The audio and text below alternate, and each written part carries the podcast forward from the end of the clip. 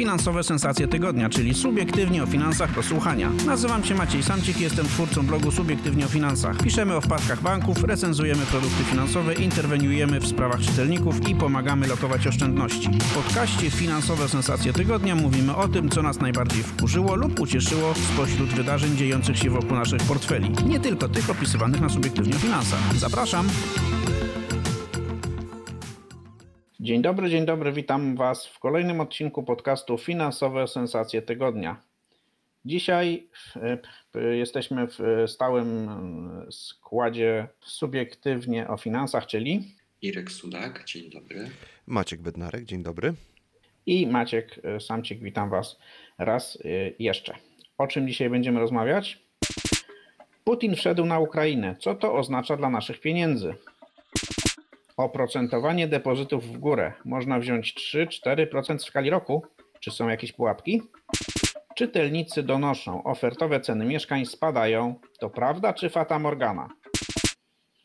No, jak widzicie, przegląd tematów mamy bardzo szeroki. Od wojny przez depozyty po nieruchomości, więc już nie przedłużając, od razu e, przechodzimy do pierwszego tematu. Najbardziej aktualnego w sumie, właściwie rzeczy dzieją się z godziny na godzinę. Temat tygodnia. Władimir Putin e, wszedł na Ukrainę. E, jego wojska zajęły e, tereny Ługańskiej, prowincji, no i generalnie Donbasu, czyli te tereny, na których już, nad którymi już od jakiegoś czasu Ukraińcy nie mieli kontroli. Więc w sumie można powiedzieć, że na razie zakres tej e, operacji wojennej jest stosunkowo niewielki, no i nawet pojawiły się takie hipotezy, że, e, że Putin próbuje po prostu wyjść z twarzą z sytuacji, którą sam stworzył, bo więcej, wiele więcej już nie będzie w stanie wskórać niż zająć tylko te tereny oficjalnie już, no, nad którymi już wcześniej mm, sprawował de facto e, kontrolę. No i oby tak było. Oczywiście rodzi się pytanie, czy w sytuacji, w której y, w jakiejś dłuższej perspektywie, rocznej, dwu, trzy, pięcioletniej, y, jednak y, będą próby odkrawania kolejnych kawałków Ukrainy, czy to coś powinno oznaczać dla naszych portfeli. Panowie, czy wy już jesteście spakowani na wypadek wojny? Macie sztabki złota w, w bagażnikach i i ewentualnie y, zapasy paliwa, czy na, czy na razie jeszcze nie? Moja żona myślała o tym. Y, no, chyba troszkę y, pół, pół żartem. Pytała no, się, kto, którą, którą, którą walizkę przygotować. No, nie jeden z moich znajomych ma już benzynę kupioną. Jakby trzeba było wiać. Ale, ale to są powiedzmy takie przypadki jednak mimo wszystko jednostkowe tak jak patrzę, to, to nerwowość jest znacznie mniejsza niż w pierwszich miesiącach pandemii, kiedy była, było ryzyko, że zamkną banki, że zamkną sklepy, że nie będzie, e, e, że nie będzie można nic kupić i, i, i wtedy mieliśmy taką panikę, pamiętacie, sklepową, że wszystko znikało spółek przez, e, przez kilka dni. Na szczęście się szybko uspokoiło. Mm. Ja mam kilka przemyśleń dotyczących tego, jak ta sytuacja powinna wpłynąć na nasze e, zarządzanie naszymi finansami czy na nasze oszczędzanie. I, i, i, chciałbym dwa słowa o tym powiedzieć. E, moim zdaniem tutaj są dwa aspekty. Jeden jest krótkoterminowy, a drugi długoterminowy. W krótkim terminie ja bym generalnie odradzał wykonywanie jakichkolwiek ruchów. Część z Was, słuchaczy i czytelników subiektywnie o finansach, pisze do mnie w ostatnich dniach e, maile z taką prośbą, żeby powiedzieć, co robić z pieniędzmi. Kupować dolary, e, wyciągać pieniądze, zrywać lokaty i, wyciągać pieniądze z banków, kupować złoto. No i najróżniejsze są pomysły. Ja to wszystko chłodzę, to znaczy wylewam kubeł zimnej wody na gorące głowy, no bo w sytuacji, kiedy już mamy kryzys, już mamy sytuację nerwową, w zasadzie jest za późno, żeby wykonywać jakieś ruchy. Znaczy, portfel inwestycji czy oszczędności musi być przygotowany na kryzys jeszcze zanim ten kryzys wystąpi. E, czyli krótko mówiąc, to, że dzisiaj y, się ktoś zorientował, że nie jest przygotowany na sytuację e, wojenną, gdyby ona zaszła, no to jest po prostu sygnał na przyszłość, żeby sobie ten portfel przygotować na następny kryzys, który na pewno nadejdzie. W sytuacji, w której jest niestabilność, ceny się bardzo szybko zmieniają, kursy się szybko zmieniają, po prostu się nie robi nic, się czeka, aż się uspokoi.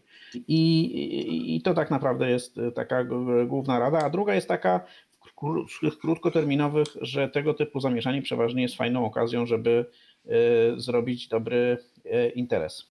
E, ja widziałem ostatnio takie wykresy, które o, o, pokazują reakcję indeksów giełdowych po wybuchu kilku ostatnich wojen w różnych częściach świata. Wynika z nich, że wbrew pozorom, oczywiście w, w tych najbardziej kryzysowych dniach i kiedy to się dzieje, ceny spadają i to czasem bardzo nerwowo, ale już po kilku, kilkunastu, kilkudziesięciu dniach indeksy są zwykle wyżej niż były. I to się właściwie sprawdzało przy, przy zdecydowanej większości y, zawieruch wojennych. Krótko mówiąc, jeśli ktoś ma wolne pieniądze, mocno nerwy ma na oku jakąś na przykład spółkę dywidendową, która, y, którą zawsze chciał kupić, ale zawsze była za droga i ona teraz już nie jest przez chwilę za droga, to tego rodzaju zawirowania, no nie wiemy, jakie one będą mocno akurat w tym przypadku. Czy to się skończy na, na takiej malutkiej inwazyjce e, Putina, e, czy, czy też pójdzie dalej.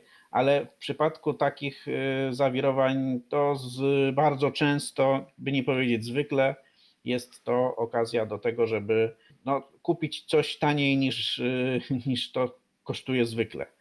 E, I to też taka uwaga już dla tych, którzy mają trochę większe doświadczenie w inwestowaniu, trochę mocniejsze nerwy i z ich punktu widzenia to tego rodzaju zawieruchy to jest e, w pewnym sensie dobra wiadomość, ponieważ to, to właściwie jedyna okazja, żeby, e, żeby coś kupić naprawdę tanio. Jest jeszcze drugi aspekt, długoterminowy tej całej sytuacji. On tak naprawdę powinien nas prowadzić do tego, żebyśmy swoje oszczędności, swój majątek przygotowali na trudniejsze, bardziej nerwowe, bardziej niepewne czasy. No bo nie ma już chyba wątpliwości, że te 30 ostatnich lat mm, takiego pokoju, y, spokoju i y, uspokojenia mocarstw, no, że to mamy już za sobą. Y, dzisiaj de facto wracamy do normalnej sytuacji, w której mocarstwa zaczynają walczyć o dominację na kontynencie oraz na świecie, no i że my musimy jakoś na to E, e, reagować. No, ta reakcja w średnim i długim terminie powinna polegać głównie na trzech rzeczach, moim zdaniem. E, po pierwsze, żebyśmy mieli taką dywersyfikację geograficzno-walutową w portfelu, no bo nigdy nie jest tak, że źle dzieje się we wszystkich, na wszystkich kontynentach i na wszystkich krańcach świata. Dzisiaj mamy niepokoje w Europie, E, ale jeśli część naszych pieniędzy jest w Stanach Zjednoczonych, część jest e, na przykład w akcjach największych koncernów azjatyckich, no to my jesteśmy jakoś portfelowo zabezpieczeni przed tymi niepokojami. Jeśli będzie niebezpiecznie w najbliższych latach przy naszych granicach, no to pewnie uderzy to w jakimś sensie w notowania polskiej waluty, nie tylko w naszą gospodarkę, ale też w polską walutę, więc, więc być może pewnym rozwiązaniem jest przechowywać część pieniędzy e, w aktywach, które są wyceniane w e, obcych walutach, w euro, dolarach, może frankach szwajcarskich. Takie produkty jako fundusze inwestycyjne, jako ETF-y, czy można też kupić sobie po prostu akcje w polskim biurze maklerskim e, na zagranicznej giełdzie mm, za euro albo za dolary. Takie inwestycje są w Polsce dostępne i warto z tego korzystać. E, druga rzecz to jest kwestia posiadania aktywów, które są z jednej strony antykryzysowe, a z drugiej strony stabilizują portfel inwestycji. No myślę tutaj o takich walutach jak frank szwajcarski, czy o takich aktywach jak na przykład złoto. To są rzeczy, których przynajmniej odrobinkę e, warto mieć w niepewnych czasach, po prostu po to i dlatego i z tego względu, że są to rzeczy, które przeważnie rosną w sytuacji, w której wszystko inne spada której jest niepewność, to są spokojne przystanie. Przez 90% czasu to może być e, zupełnie, no nie chcę powiedzieć nieprofitująca część portfela, ale powiedzmy no nie taka, która jakoś specjalnie zarabia, ale przychodzi te 5% czasu, w którym się robi niespokojnie i, i, i wtedy ta część portfela jest, ta antykryzysowa zaczyna być istotna. I tylko chodzi o to, że trzeba ją mieć już wcześniej, a nie wtedy, kiedy kryzys nadchodzi, nadchodzi, bo wtedy no bo wtedy akurat te ceny tych antykryzysowych aktywów są e, wysokie. No tak jak na przykład teraz złota, Z, jeszcze niedawno można było uncję złota, złota kupić za 1700 dolarów, a teraz już przekroczyła 1900 dolarów. Trzecia uwaga, którą mam i już ostatnia, to jest to, żeby przywiązywać wagę do podziału aktywów pomiędzy takie, które są niematerialne, czyli bezgotówkowe, mają formę elektroniczną, E, takie, które są materialne, ale można je przenosić w, w miarę potrzeby, czyli na przykład, nie wiem, złote monety czy, czy coś cennego, co ma wartość. No i takie, które są, mają, są wartość, mają postać materialną i są nieprzenaszalne, czyli krótko mówiąc nieruchomości. W każdym z tych trzech elementów e, aktywów warto coś mieć i nie warto mieć tylko jednego z tych e, trzech elementów, bo wyłącznie elektroniczne aktywa E, mogą zostać wyłączone w przypadku e, jakichś problemów z prądem albo ze stabilnością systemu ekonomicznego. No a nieruchomości to jest taki składnik majątku, który oczywiście zyskuje na wartości, jak, jest, jak są czasy pokoju, ale jak są czasy bardzo niespokojne, to nie zabierzemy naszej nieruchomości i nie przeniesiemy jej do Australii, gdzie akurat jest pewnie teraz spokojniej i przyjemniej. Więc to, o czym warto pamiętać, to żeby nie być zapakowanym po uszy w jeden rodzaj e, aktywów. Warto mieć e, aktywa elektroniczne, warto mieć aktywa fizyczne, ale takie, które można w razie czego ze sobą zabrać i warto mieć oczywiście aktywa takie no, stricte nieruchomościowe, nie wiem, ziemię czy nieruchomości, ale też nie, na pewno nie na nie za całość swoich oszczędności. Takie moim zdaniem wynikają wnioski z tego, co się teraz dzieje E, i z tych niepokojów dotyczących sytuacji na Ukrainie. Mm, nie mam wątpliwości, że spokojne czasy się w Europie skończyły. Nie mam wątpliwości, że e, Rosja będzie dążyć do tego, żeby rozszerzyć swoją strefę wpływów. To oznacza, że Zachód też pewnie będzie musiał zmienić swoje podejście do Rosjan. Zobaczymy, jak się w tym wszystkim ogarną Chińczycy. Czekają nas ciekawe czasy, czekają nasze pieniądze też czekają ciekawe czasy i warto w związku z tym E, przygotować je dobrze, żeby się nie obudzić z portfelem w nocniku. I tym niespecjalnie optymistycznym akcentem chciałbym zakończyć część wojenną naszego podcastu. E, rozgadałem się strasznie i nie dopuściłem Was, chłopaki, do głosu, ale e, powiem szczerze, ostatnio dosyć dużo czasu spędzam na analizowaniu sytuacji geopolitycznej i tego, jak ona wpływa na nasze portfele i tak po prostu to się ze mnie wylewa w sposób kompletnie niekontrolowany. Ale teraz już się zamykam i przechodzimy do nowego tematu, czyli do oszczędności y, w bankach, do tematu depozytów. Które to depozyty wreszcie odbiły się od dna? I to jak się odbiły? W trosce o Wasze pieniądze. Poradnik ekipy Samcika. Czekaliśmy, czekaliśmy i chyba się wreszcie doczekaliśmy. Y, ode, oderwania się depozytów bankowych E, od oprocentowania rzędu 0, 0,1, 0,2% w skali roku. E, stopy procentowe, mm, które już teraz wynoszą 2,75%, zrobiły swoje. Wskaźnik WIBOR, który dzisiaj, zwłaszcza ten sześciomiesięczny, zbliża się już do 4%, też zrobił swoje. No i mamy w bankach e, pierwsze przykłady naprawdę przyjemnego oprocentowania pieniędzy. Oczywiście no, w porównaniu z inflacją, która przekracza 9%, to tutaj e, szału nie ma, nie ma najmniejszych szans na to, żeby pieniądze w banku przyniosły realny zysk. No ale pojawiły się depozyty, które dają 3% albo 4%. Maciek Bednarek zrobił e, takie, taki spacer po tych ofertach bankowych, takich porządnych, tych 3-4%. No i Maćku, powiedz nam, mm, czy to są rzeczywiście fajne depozyty, czy tam jest jakaś pułapka, czy to jest y, tak, że rzeczywiście w dłuższym okresie można tyle zarobić, bo oczywiście zdarzały się takie y, y, promocyjne depozyty od dłuższego czasu, typu na 3 miesiące, na miesiąc, do 10 tysięcy złotych, ale tutaj już nie mówimy o takich, tu mówimy o takich normalnych, standardowych, długoter albo przynajmniej średnioterminowych mm, lokatach. E, Maćku, ile tego jest czy, i czy rzeczywiście jest takie fajne, jak wygląda? Wiesz, wydaje mi się, że tak patrzysz jeszcze y, na, na, ten rynek depozytowy przez różowe okulary, bo żeby coś naprawdę się mm, ciekawego dla klientów wydarzyło, no to te duże banki muszą podwyższyć oprocentowanie. W największych bankach, na przykład w PKO BP, nadal szorują o, o zero. Z dużych banków mBank y, zrobił jakąś podwyżkę, ale to nie jest y, jeszcze jakaś, to nie są jakieś y, fajerwerki. Natomiast mm, lepszych, y, lepszego oprocentowania można szukać, no powiedzmy w mniejszych bankach i w dość nietypowych. Mam na myśli y, banki, które działają na, w Polsce na podstawie mm, takiego unijnego paszportu, lokaty facto należące do, do, do włoskiego y, banku i lokaty w estońskim Inbanku.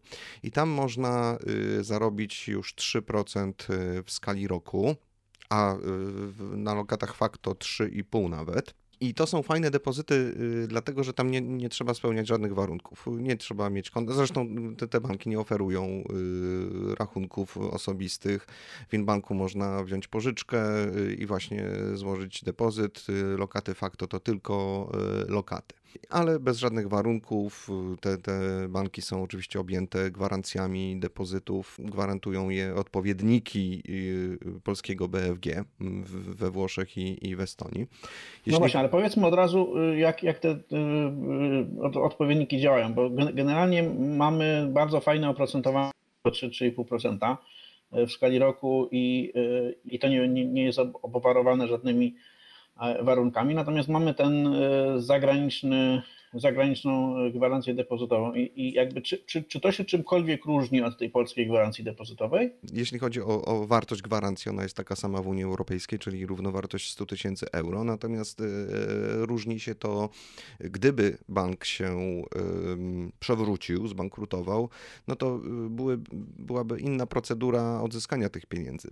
Ja przez długi, długi czas próbowałem wyciągnąć od tych instytucji ale też od polskiego BFG informacje o tym, co by się, y, co by się stało, gdyby, gdyby któryś z tych banków się y, no, ogłosił upadłość, y, stał się niewypłacalny. I dostałem taką informację z BFG, że B, polski BFG pomagałby, czy byłby pośrednikiem w odzyskiwaniu tych pieniędzy. No bo y, no, wyobraźmy sobie, no nie będziemy jechać do, do Włoch y, y, po te pieniądze, tak? To musi być jakaś procedura i, i, i tutaj dostałem od, od, od BFG informację, że byłby pośrednikiem w takiej sytuacji, czyli nie musielibyśmy się ruszać, nie musielibyśmy się martwić o, o bariery językowe. Także y, no, no, Czyli to jest bezpieczne. To znaczy te, te depozyty w tych bankach typu Inbank y, czy Facto tak, nie, mm, no, z tego nie, nie są w żaden sposób y, ryzykowne. nie, nie, nie. No dobra, a polskie banki? O polskie banki. E, Jeśli chodzi o, o, o Polskie te, te, te polskie z Polski rodzime, no to trzeba szukać oczywiście wyższego oprocentowania w tych mniejszych instytucjach. E, I mam tutaj na myśli Credit Agricole, mm, który oferuje 3%. Za chwilkę powiem na jaki okres, bo to jest, y, bo to jest ciekawe. I 4% y, płaci już y, Nestbank na lokacie 6-miesięcznej. Jeśli chodzi o Nestbank, no to tutaj mm, niestety można ulokować y, maksymalnie 20 tysięcy i to jest taka oferta. Bankowi zależy na tym, żeby klient y, traktował Nestbank jako swój podstawowy bank, no bo trzeba i zasilać konto y, kwotą 2000 zł miesięcznie, trzeba wydać zgody marketingowe przynajmniej na ten okres y, obowiązywania lokaty, ale no 4% 20 tysięcy można... To znaczy jak to było y, do 200 tysięcy albo do 2 milionów, to to już to, to mo- może te wszystkie y, obostrzenia y, trochę mniej by bolały y, związane z tym utrzymywaniem osadu i tą transakcyjnością, ale przy 20 tysiącach Dokładnie. Mm, Nie ma właściwie już ofert dla klientów z, z ulicy. Banki, no oczywiście są, są dostępne te, te lokaty, tylko one na przykład w Nestbanku no to jest 0,1%. A widzisz, to jest ciekawy temat, bo to, to oznacza, że de facto depozyt bankowy staje się dzisiaj instrumentem lojalizacji swojego własnego klienta. Czyli jakby oni w ogóle nie walczą o to, żeby przyciągnąć klienta konkurencji, tylko oni walczą po to, o, o to, żeby zrobić dobrze klientowi y, swojemu. No to by oznaczało, że mamy y, dość ciekawą sytuację, bo- znaczy, bo, bo na ofertę banku trzeba patrzeć nie przez pryzmat tego, jakie tam są prowizje za, za prowadzenie rachunku, czy jakiś tam obrót trzeba wykonać, żeby kartą y, e, żeby karta była darmowa, tylko trzeba też patrzeć na depozyt. To znaczy, banki wykorzystują ofertę depozytową właśnie po to, żeby przyciągnąć klienta yy, i żeby on się stał stałym klientem, żeby korzystał z konta osobistego, z karty i tak dalej. Kiedyś, jeszcze przed pandemią, yy, można było po prostu pójść do, do banku, złożyć tylko depozyt. I całkiem nieźle na tym zarobić. Natomiast y, no, dzisiaj banki są nadpłynne, więc nie potrzebują pieniędzy. Jeżeli już przyjmują, no to chcą tego klienta mm, zwerbować do siebie. Te oferty, tak jak mówiłem, dla, dla klientów, którzy tylko chcą, są zainteresowani lokatą, już po prostu one są mm, zupełnie nieatrakcyjne.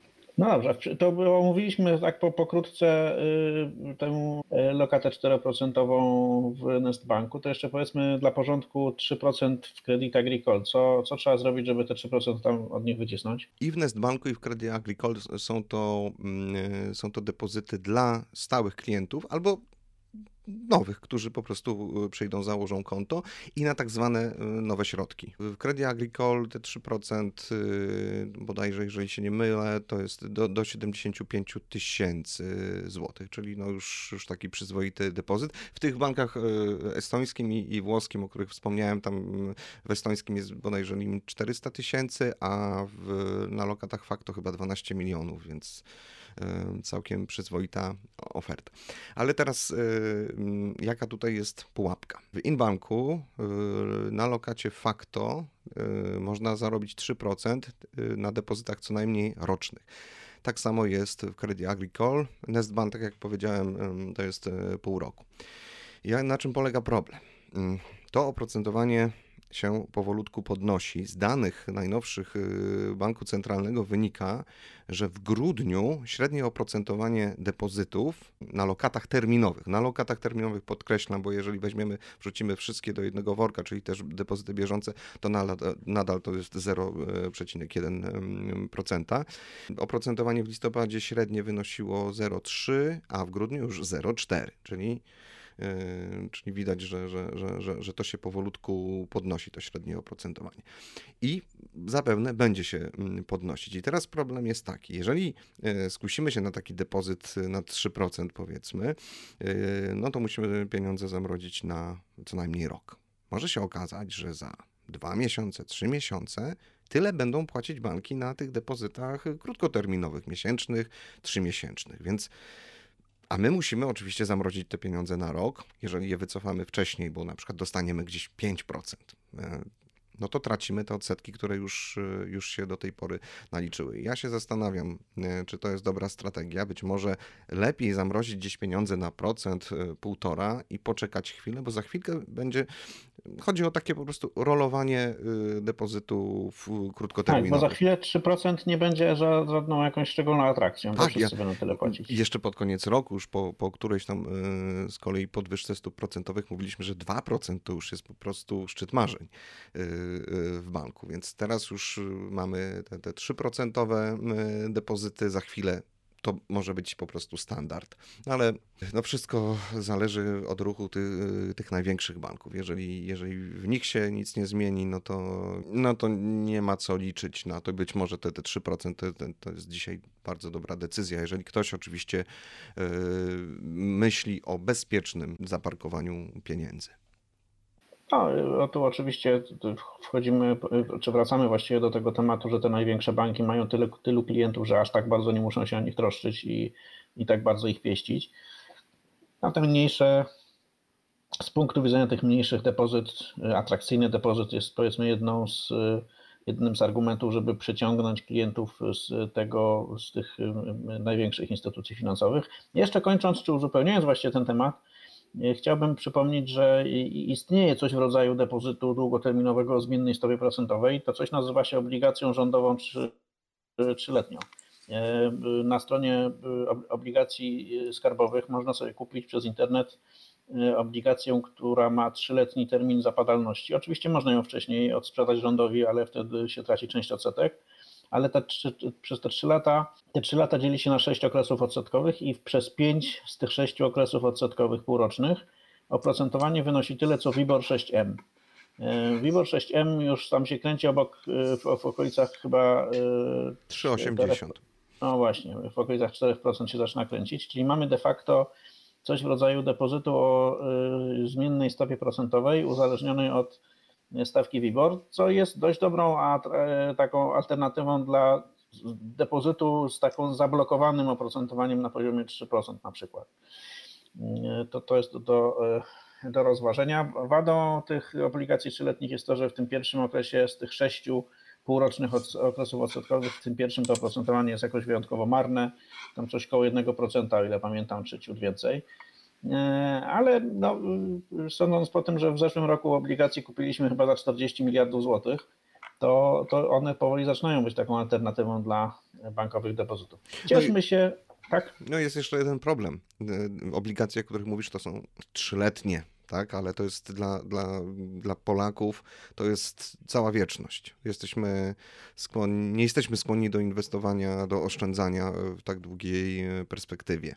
No tak, dla wielu z nas y, by 3% na stałej stopie w banku na, na, na rok czy na półtora roku to jest już y, właściwie y, taki mak- maksymalny, to jest próg bólu, jeśli chodzi o długość, y, by blokować. W przypadku obligacji mówimy o trzech latach. No tym niemniej y, myślę, że to w najbliższym czasie może tak wyglądać, że y, dobry procent będzie zarezerwowany dla osób, które są skłonne na dłużej zablokować pieniądz. E, Dopóki stopy procentowe będą iść w górę, to bankom taka strategia będzie się na pewno opłacała. A rząd mógłby dorzucić cegiełkę, na przykład zwolnić z podatku y, od zysków kapitałowych, czyli po, potocznie podatku belki, no właśnie te długoterminowe, y, powiedzmy powyżej y, roku depozyty. No właśnie, mamy różne e, po- pomysły na to, żeby zwiększać e, skłonność Polaków do oszczędzania. Oczywiście w warunkach wysokiej inflacji ta skłonność do oszczędzania siłą rzeczy maleje i gdyby zdjąć podatek belki, nawet nie tylko dla tych długoterminowych, dla wszystkich okresowo depozytów czy w ogóle sposobów oszczędzania, przynajmniej do czasu, kiedy ta inflacja nie, nie spadnie do jakichś przyzwoitych poziomów, no to byłoby fair w jakimś sensie. Biorąc pod uwagę, że to rząd pobiera ten podatek i że to rząd jest częściowo odpowiedzialny za to, że mamy tak wysoką inflację, no byłaby to jakaś e, taka drobna rekompensata. I o to oczywiście apelujemy nie, nieustająco e, i będziemy apelować do końca świata i o jeden dzień e, dłużej. A teraz biegniemy do kolejnego, do kolejnej klasy aktywów, w którą inwestujemy pieniądze e, albo po prostu której e, używamy, żeby sobie poprawić jakość życia, czyli do nieruchomości. Podobno w nieruchomościach dzieją się rzeczy, które, których nie widzieliśmy od wielu lat. Dwie strony medalu. Y, Mówiłem w, w poprzedniej odsłonie, że czekaliśmy, czekaliśmy na te lepsze depozyty i się e, w końcu doczekaliśmy. Maciek Bednarek studził mój optymizm i pewnie Irek Sudak też będzie teraz studził mój optymizm, jeśli chodzi o nieruchomości, bo chciałem właśnie powiedzieć, że czekaliśmy i czekaliśmy i czekaliśmy na spadek cen nieruchomości i wreszcie e, coś zaczyna być widać. E, e, No, powiedzmy, że, że, że może jeszcze nie spadek, ale, ale przynajmniej wypłaszczenie, a czytelnicy donoszą nam, że, że już widzą, że w ofertach nieruchomości y, pewne symptomy niższych cen albo po prostu niższe ceny. Irek, y, y, po- powiedz, czy jesteśmy w stanie wlać nadzieję w serca tych, którzy liczą na to, że nieruchomości w Polsce potanieją nie tylko realnie, ale i nominalnie. Nadzieja umiera ostatnia, więc e, mamy jeszcze e, czas, żeby wlewać ją w serca i umysły naszych czytelników. Do artykułu, który się wkrótce ukaże na naszych łamach, a który daje odpowiedź na pytanie, czy ceny ofertowe spadają, zainspirował nas jeden z czytelników, który e, pod artykułem o wzroście stawki WIBOR, która zmniejsza zdolność kredytową Polaków, y, napisał komentarz, y, który brzmiał mniej więcej tak, że ów czytelnik dostał y, maila z reklamą, z ofertą zakupu nieruchomości w Gdańsku. I ku zaskoczeniu czytelnika to był powiedzmy drugi taki sam mail w ciągu miesiąca, e, a jedyne co się w nim różniło to cena. To cena nieruchomości, która w tym czasie miała spaść, zdaniem e, pana Marka, o 2000 zł za metr e, kwadratowy.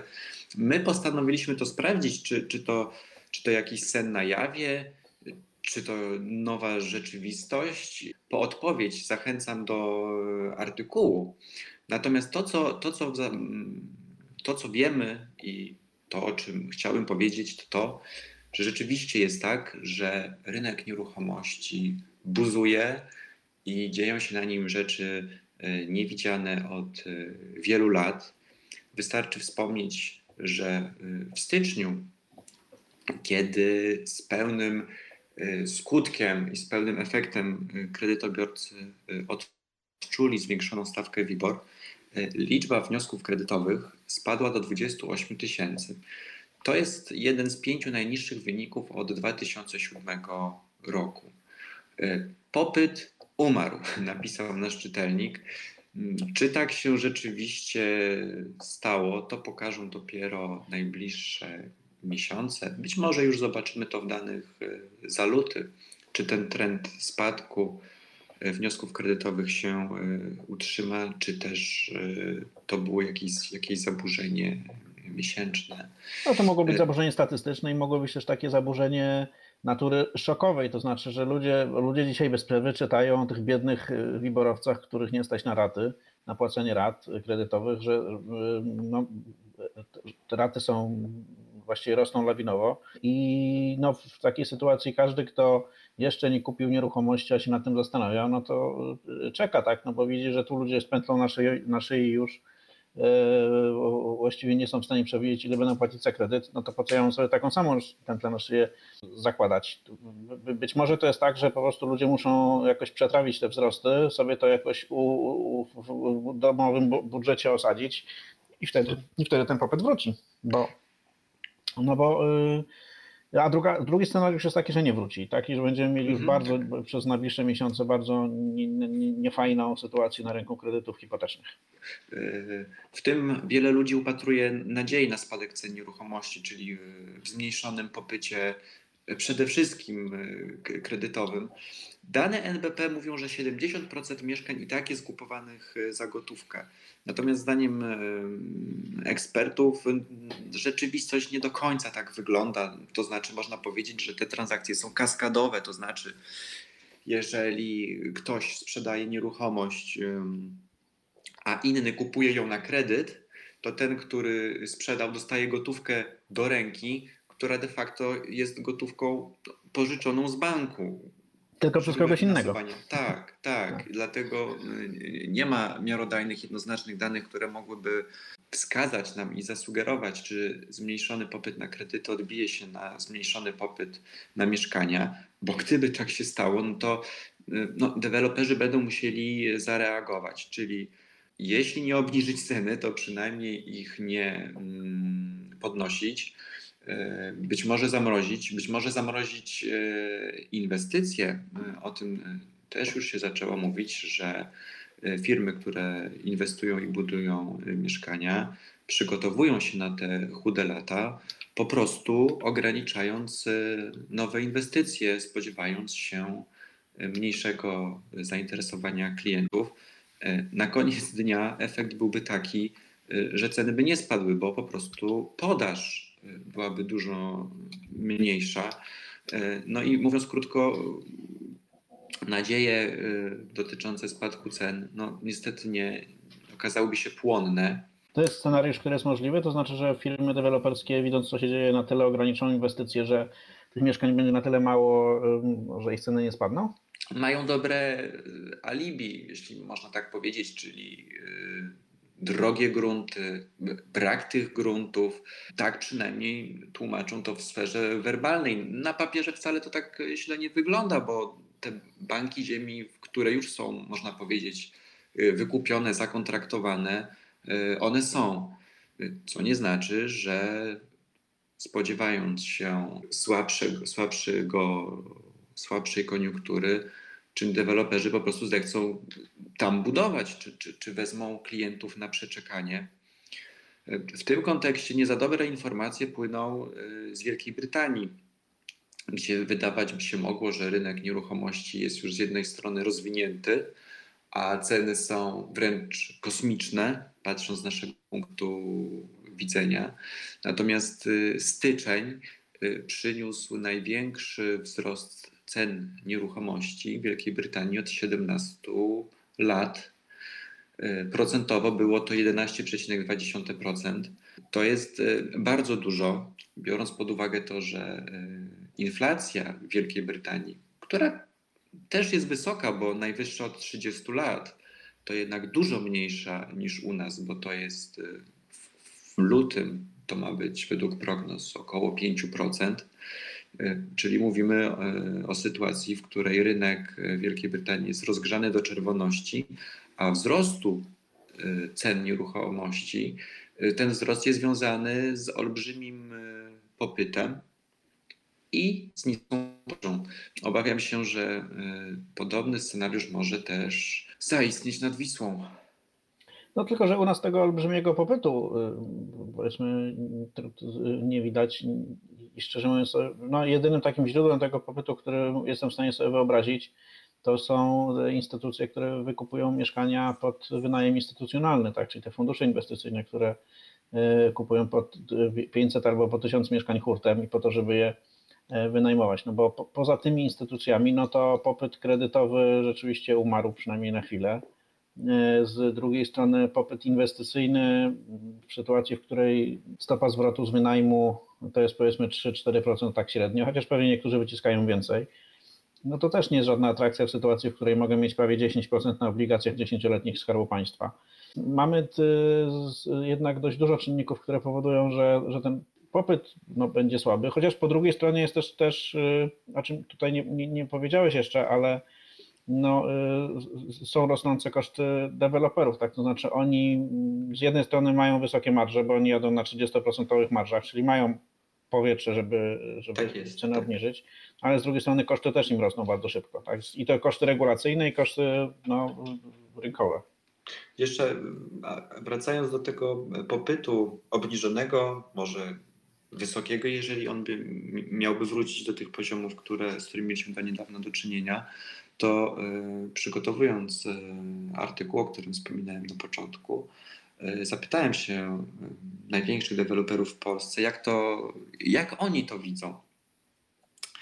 I jest to bardzo ciekawa lektura. Przyznam się, że miejscami śmiałem się do rozpuku, czytając uzasadnienia tego, jak jak i dlaczego ceny mają pozostać wysokie. Jednym z takich argumentów, być może nieoczywistym, ale no, który, który no, otwiera nam jakby no, nowe pola do, do, do, do zrozumienia tego, co się dzieje, jest argument taki, że kredyt na mieszkanie ciągle jest tańszy niż wynosi inflacja. W związku z czym, i to jest cytat z jednego z dewelopera, nakręci to nową kategorię kupujących. Ojej, to ludzie aż tak ludzie aż tak zdaniem tego Tak. dewelopera kalkulują. Ucieczka kredyt przed się bardziej opłaca. kredyt. Tak, A, okej. No. Czyli le- faj- dobrze jest pożyczyć pieniądze, bo one są coraz mniej warte. tak jest. E, No dobrze, to jest e, widać, że optymizm deweloperów jest niczym niezmocony. Wydaje mi się, że oni mają jeszcze kilka, e, o, ty, o tyle jest to no, wytłumaczalne, że oni mają jeszcze kilka możliwości manewru, zanim będą musieli obniżać ceny, bo to z jednej strony to jest kwestia tego, że można dodać, i to się chyba już dzieje. E, Nie wiem, na ile ty obserwowałeś ostatnie oferty, ale ja widzę coraz więcej ofert nieruchomościowych w stylu jakaś komórka gratis, miejsce parkingowe gratis, garaż gratis. Tego ostatnio nie było. Mhm. Więc no, dodawanie gratisów to jest taki pierwszy etap, no a potem jest to, czym nam, do, nam doniósł czytelnik, czyli po prostu obniżenie ceny, czyli zejście y, częściowe i częściowe z marży. I to myślę, że też się może y, jednak przynajmniej w niektórych inwestycjach y, wydarzyć, ale to pewnie będą raczej te inwestycje, które są jeszcze, które nie są jeszcze sprzedawane, bo te, które są sprzedawane, to już mają tak. dość duży poziom, że tak się wyrażę, przedsprzedaży. Więc tam yy, nie nawet, znaczy taki deweloper to jak mu zostaną cztery mieszkania, to on nie musi za bardzo ściągać ceny, tak on sobie poczeka. Natomiast jest, nie jak mam nową inwestycję, ceny. no to już gorzej. Tak, tak. Tu benchmarkiem y, będą ceny nowych inwestycji wprowadzanych na rynek. Również z tego powodu, że i o tym też mówią deweloperzy, mówiąc szczerze, oni nie za bardzo mogą obniżyć ceny tych mieszkań w, w danym bloku, w danej inwestycji, które już w części zostały wyprzedane, y, bo po prostu klienci, którzy kupili drożej, y, będą, mówiąc delikatnie, bardzo nie- niezadowoleni. I takiej sytuacji y, firmy deklarują, że chcą po prostu y, uniknąć. O, no łzy wzruszenia zalewają nam oczy, y, jak słyszymy o, o poczuciu sprawiedliwości deweloperów, ale oczywiście przyjmujemy to za dobrą monetę. No, wiosna myślę, że przyniesie nam odpowiedź na pytanie, czy mieliśmy tylko chwilowy kryzys, czy rzeczywiście na rynku się zaczęło dziać coś niedobrego z punktu widzenia deweloperów, a dobrego z punktu widzenia tych, którzy chcieliby taniej kupić mieszkanie. Ja na koniec mam jeszcze dobrą informację dla tych, którzy kupili inwestycyjnie apartamenty w Trójmieście. Kochani, według y, danych, które ostatnio y, widziałem, jeszcze przez 100 lat was nie zaleje. Są jakieś nowe dane, z których właśnie symulacje, bo to wszystko jest trochę palcem na wodzie pisane, na wodzie notabene, ale, ale wynika z nich, że za mniej więcej 100 lat Trójmiasto będzie już zalane na skutek zmian klimatycznych. No na szczęście inwestycje nieruchomościowe mają ciut y, krótszy horyzont inwestycyjny niż 100 lat, także jeśli kupiliście mieszkanie w Trójmieście, to możecie spać y, spokojnie. Szczególnie jeśli ktoś ma mieszkanie na wzgórzach morynowych na przykład. O właśnie, no właśnie, bo to przecież nie muszą być apartamenty tuż przy plaży. I nagle się okaże, że jak ktoś kupował w piątej linii brzegowej, to jest na tym Halo? to na tym wygra. No ale to dopiero za 100 lat, kochani. To dopiero za 100 lat. Ja bardzo y, dziękuję Wam, chłopaki, za dzisiejszy podcast. Dziękuję bardzo tym, którzy nas słuchali. Jeśli macie jakieś pytania, wątpliwości, skargi, zażalenia, y, to y, proszę o, żebyście dawali znać na kontakt małpka subiektywnieofinansach.pl a ja się z Wami żegnam czule i namiętnie, a razem ze mną żegnają się z Wami. Irek Sudak, dziękuję. Maciek Bednarek, do usłyszenia. No, jesteśmy w kontakcie. W kontakcie głosowym raz w tygodniu, a w kontakcie wzrokowym codziennie zapraszam na www.subiektywnieofinansach.pl Inne odcinki tego podcastu znajdziesz na stronie Subiektywnie o Finansach www.subiektywnieofinansach.pl. Zapraszam!